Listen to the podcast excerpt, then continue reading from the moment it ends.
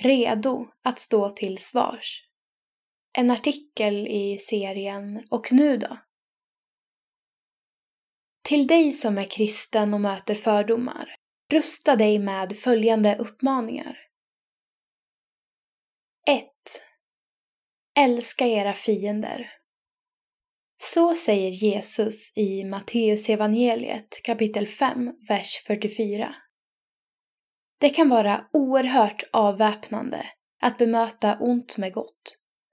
Fördomar är ett unikt tillfälle att visa på den kärlek Jesus visade, som världen inte känner till.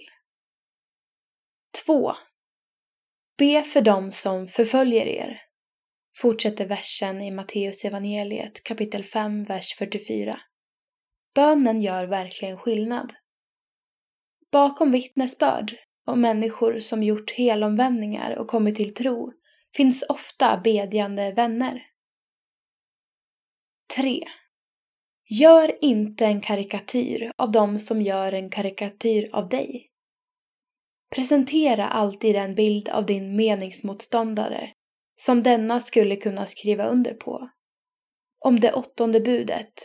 Du ska inte bära falskt vittnesbörd mot din nästa. Andra Moseboken kapitel 20 och vers 16 säger Luther att det delvis innebär att man alltid ska framställa sin nästa på bästa sätt. 4. Fundera på vad du skulle svara om du skulle möta några av de fördomar som nämnts i det här numret. Eller andra fördomar du kan tänka dig finns mot kristna. Kanske du ska skriva ner dem eller förklara för en kristen vän vad du skulle svara. Har du formulerat dig en gång blir det lättare nästa gång.